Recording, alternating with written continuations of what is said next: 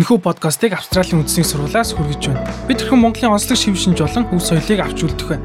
Австралийн хамгийн шилдэг сургуулах Австралийн үндэсний сургуулиас монгол хэлний хичээлийг онлайнаар санал болгож байна. Монгол хэлийг суралцсан таны ирээдүйн ажил болон цаашлаад суралцах боломжуудыг нээх болно. Бид бүх төвчний оюутнууд зориулсан монгол хэлний хичээлүүдийг хүссэн газраасаа суралцах боломжийг олгож байна. Энэхүү хичээлийн жилийн бүртгэл 2019 оны 2 сарын 20-нд дуусна. Илүү их мэдээллийг ANU-цэг, EDU-цэг, AU сайтаас хүлээн авна уу?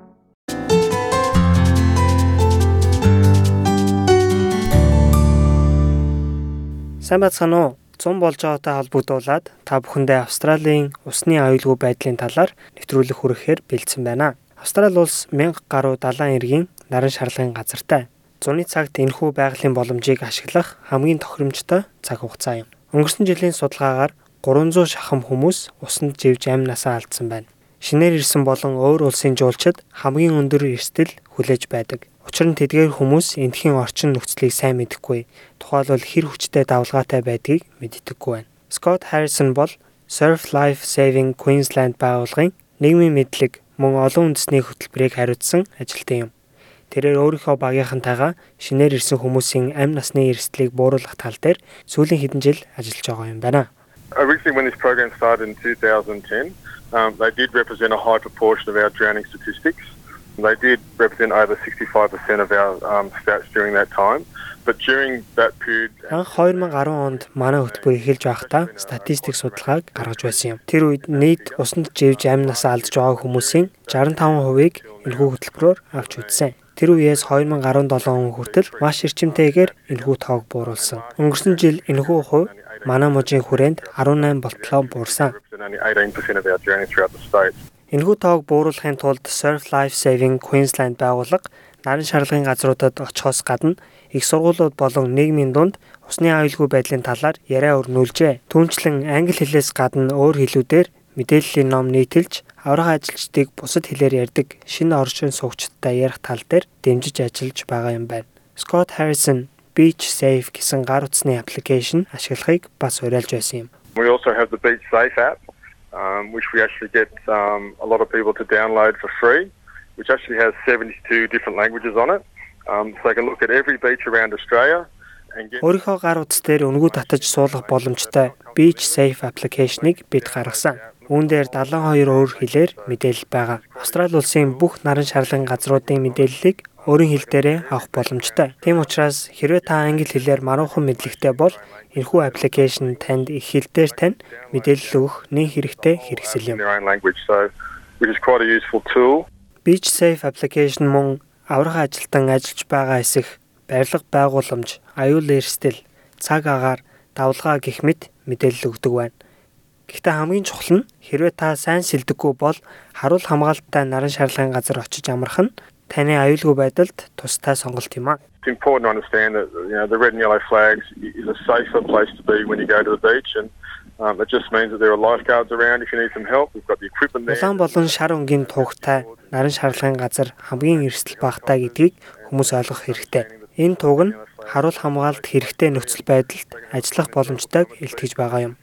Хамгаалтын багт шаардлагатай төхөөрөмжүүд жишээлбэл аврах тавцсан, мотортой усны дугуй, түнчлэн нисдэг тэрэг дуудах боломжтой бас байдаг. 100 цаг ирж байгаа энэ үед улаан болон шар өнгийн тугтай наран шарлагын газрууд хамгийн аюул багтаа гэдгийг ойлгох хэрэгтэй. Далайн давлгааны буцах урсгал, харуул хамгаалтгүй наран шарлагын газруудад хамгийн хэрэгслийг дагуулдаг. Жилд ойролцоогоор 21 амнаас эрсддэг гэсэн судалгаа байдаг байна. Сидней их сургуулийн газар зүйн шинжлэх ухааны доктор Jack McCarroll буцах урсгалыг тодорхойлж сурах нь танд нэн шаардлагатай хэрэгтэй мэдлэг гэдгийг хэлсэн юм а. Look for a place to swim where the waves are going to be as small as possible because the waves are the things that force the rip currents. So the bigger the waves, the stronger the rips and it's Хэрэг та далайд сэлэх гэж байгаа бол давлгаа багтаа газрыг харж байгаад сонгоорой. Давлгаа өндөр байх тусам буцаж татах урсгал нь хүчтэй байна. Төдий хэмжээгээр аюул эрсдэл нь өндөр байна гэсэн үг. Хэрвээ энэ урсгал давтаад эргээс холдсон бол гараа дээш нь өргөөд аль болох 50 хөвөх хэрэгтэй. Хин нэгний анхаарлыг татаж аврах багийнхан эртэл 50 байх хэрэгтэй. Stay afloat, get somebody's attention and try to remain calm until until you're rescued.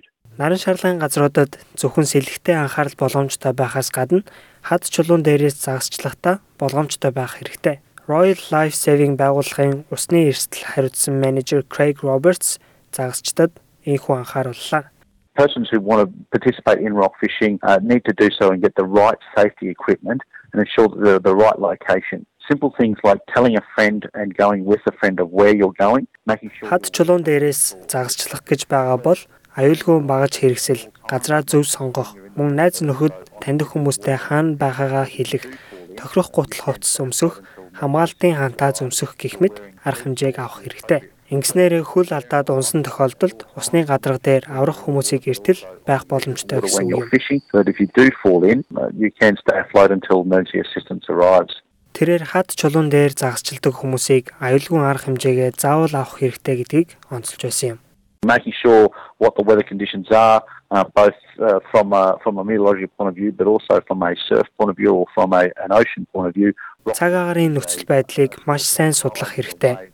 Зөвхөн бороо орох гэдгийг биш, далайн давлгааны байдал гэх мэт судалгааг бас хийх хэрэгтэй. Хадан дээрээс загасчлах спорт бол далайн давлгаатай маш ойрхон холбоотой байдаг. Тийм ч учраас хүмүүс татагдж, живэх эрсдэл хамгийн өндөр магадлалтай байдаг. Are one of the key factors that drag people into the water, um, causing death and drowning. Загасчдыг татаж живүүлэх аюул хэдхэн хормын дотор болдог. Түүнээс гадна хад чулуунд цохигдох эрсдэл бий. Давлгаа хүчтэй байгаа үед загасчлагаас татгалзаарай. Craig Roberts мөн усан бассейн болон голуудад анхаарал болгоомжтой байх талаар саналлаа. Австрали улсад иймэрхүү газруудад л хамгийн ихээр шинээр ирсэн хүмүүс эрсдэх тохиолдол байдаг. One of the key things is to to make sure you walk in the river. Ask the locals about what is the dangers of the rivers. Гол мөрөнд баримтлах хамгийн чухал зүйл бол алхаж байх явдал юм. Нутгийн оршин суугчдаас аюул эрсдлийн талаар нь бас асуугаарай. Усны доогуур юу юу байж болох талаар мэдээлэлтэй байх хэрэгтэй. Амь насаа хамгаалах хантаад заавал өмсөх, CPR буюу зүрхний хэллэг хийж сурах, заавал хэн нэгэнтэй хамт сэлэх тал дээр бид өрүүлж зөвлөдөг. and always swim with someone else. Энэ зун та ямар ч төлөвлөгөөтэй байсан бай CPR буюу зүрхний хэллэг хийж сурах нь хүн бүхэнд хэрэгтэй зүйл юм.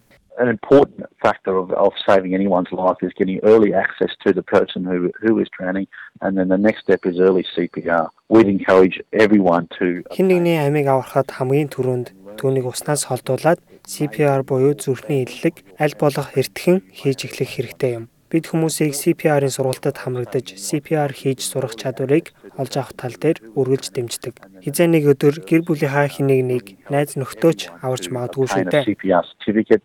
And learn CPR skills. It may be your family or your family friend who you may have to save one day. Наран шарлагын газруудын мэдээллийг өөрсдийнхөө хэл дээр Beach Safe аппликейшнийг татж аваад аваарай. Surf Life Australia байгууллагын SLS.com.au вебсайтаас мөн усны аюулгүй байдлын талаар мэдээлэл авч болно. Royal Life Saving Society байгууллага CPR-ын сургалтыг улс даяар мөн явуулдаг байна. Хэрвээ танд наран шарлагын газарт тусламж хэрэгтэй байгаа бол амь хамгаалах харуулуудаас тусламж хүсээрэй. Хэрэгтэй холбоосуудыг нийтлэл дээр тавьсан байгаа шүү. Дараагийнхаа дугаараар та бүхэнтэйгээ туудахгүй уулзцгаая.